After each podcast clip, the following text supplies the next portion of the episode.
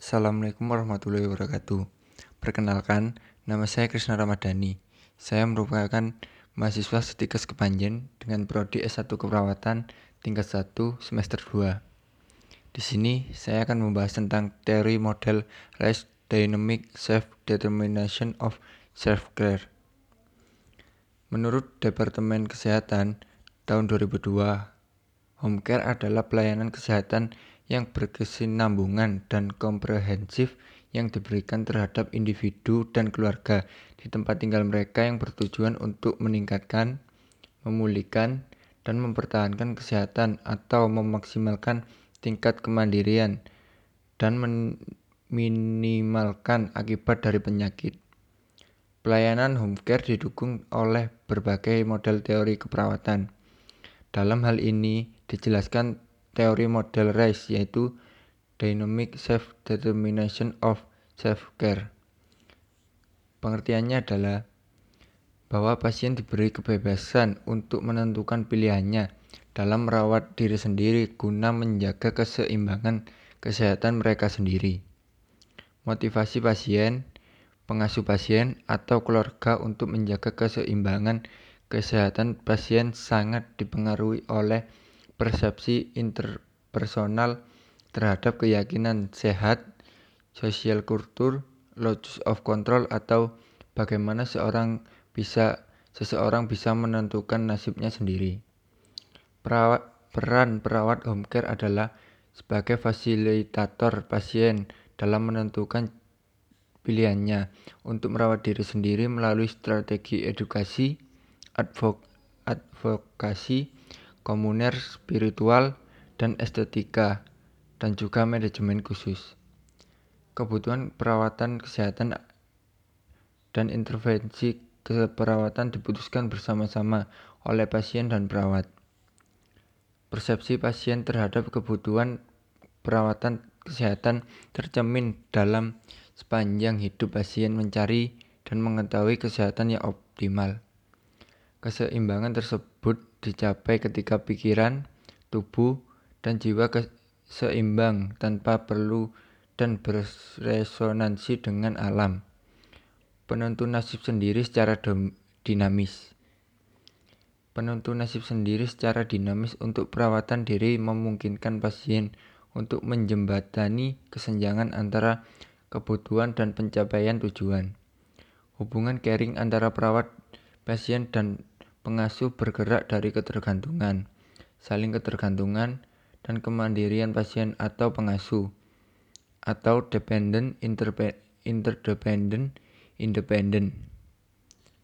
Kebutuhan perawatan kesehatan dan intervensi perawatan diputuskan bersama-sama oleh pasien dan perawat. Persepsi pasien terhadap kebutuhan perawatan kesehatan tercermin dalam sepanjang hidup pasien mencari dan mengetahui kesehatan yang optimal. Keseimbangan tersebut dicapai ketika pikiran, tubuh, dan jiwa seimbang tanpa perlu dan beresonansi dengan alam. Penentu nasib sendiri secara dinamis. Penentu nasib sendiri secara dinamis untuk perawatan diri memungkinkan pasien untuk menjembatani kesenjangan antara kebutuhan dan pencapaian tujuan. Hubungan caring antara perawat pasien dan pengasuh bergerak dari ketergantungan, saling ketergantungan, dan kemandirian pasien atau pengasuh, dependent, interdependent, dan independent. Berikut adalah tahap hubungan caring antara perawat pasien dan caregiver. Dependent. Pada tahap awal, perawat akan melakukan sebagian besar pada pasien. Kemudian melakukan pendidikan kesehatan, memberikan pengetahuan dan melatih klien atau pengasuh pasien dalam merawat pasien. Interdependent. Pasien atau pengasuh sudah mulai memiliki pengetahuan, keterampilan, dan kepercayaan diri untuk melakukan perawatan secara mandiri dengan bimbingan dari perawat home care sesuai kebutuhan. Independent Pasien atau pengasuh sudah mandiri melakukan aktivitas perawatan diri dengan intervensi minimal dari perawat. The dynamic self-determination for self-care memiliki beberapa permis sebagai berikut. 1. Setiap orang memiliki pengaruh yang besar terhadap kesehatannya masing-masing. Hal ini adalah faktor alamiah yang mendorong kita untuk mendapatkan ukuran kesehatan yang optimal. Kesehatan yang optimal mengacu pada level fungsional tertinggi dan multidimensional. Yang kedua, yang ketiga, proses pengobatan medis dan pendidikan kesehatan tidak menjamin terhadap terwujudnya kesehatan optimal. Hal ini karena home care tidak dikelola tidak hanya oleh perawat tapi juga oleh profesional lainnya secara intermittent dan kesehatan yang optimal mencerminkan proses seumur hidup pasien, termasuk siapa mereka dan apa yang mereka inginkan. Pasien adalah wujud holistik 4. Pasien adalah wujud holistik sepanjang rentang hidup kehidupan. 5. Partisipasi pasien dalam perencanaan, perencanaan keperawatan dan keberhasilan pengelolaan kebutuhan perawatan kesehatan di rumah merupakan hasil dari penentuan mandiri secara dinamis terhadap perawatan diri klien yang, yang dimanifestasikan oleh strategi perawatan diri yang mendorong terhadap kesehatan yang optimal. 6. Terjadi kerjasama antara perawat, pasien, pengasuh pasien, dan tim profesional lainnya dalam menentukan tujuan, pengambilan keputusan, dan pengetahuan. 7. Pasien atau pengasuh berbagi tanggung jawab dalam merawat pasien yang difasilitasi oleh perawat home care. 8. Perawat home care berperan sebagai fasilitator pasien dalam menentukan sendiri perawatan dirinya dan melibatkan berbagai aspek caring, seperti pendidik, advokat, advokat, manajer khusus, dan komuner spiritual estetik. 9. Pengasuh atau keluarga dipandang sebagai kesepanjangan tangan dari pasien dan kebutuhan pasien, berperan dalam merawat pasien. 10.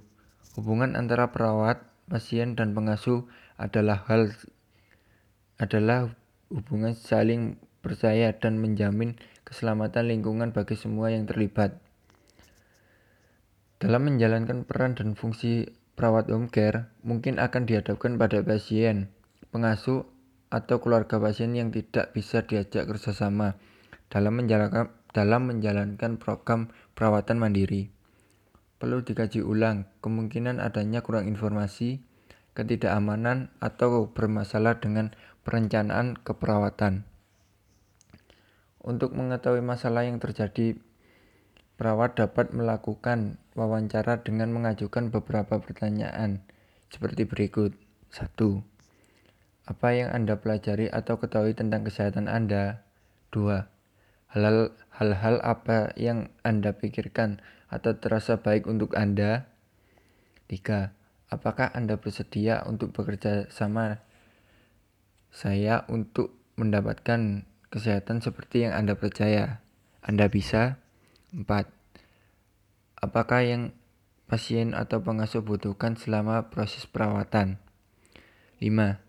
Jenis perawatan atau layanan apa yang pasien atau pengasuh inginkan? Prioritaskan dan implementasikan intervensi keperawatan berdasarkan pasien atau pengasuh butuhkan untuk perawatan diri.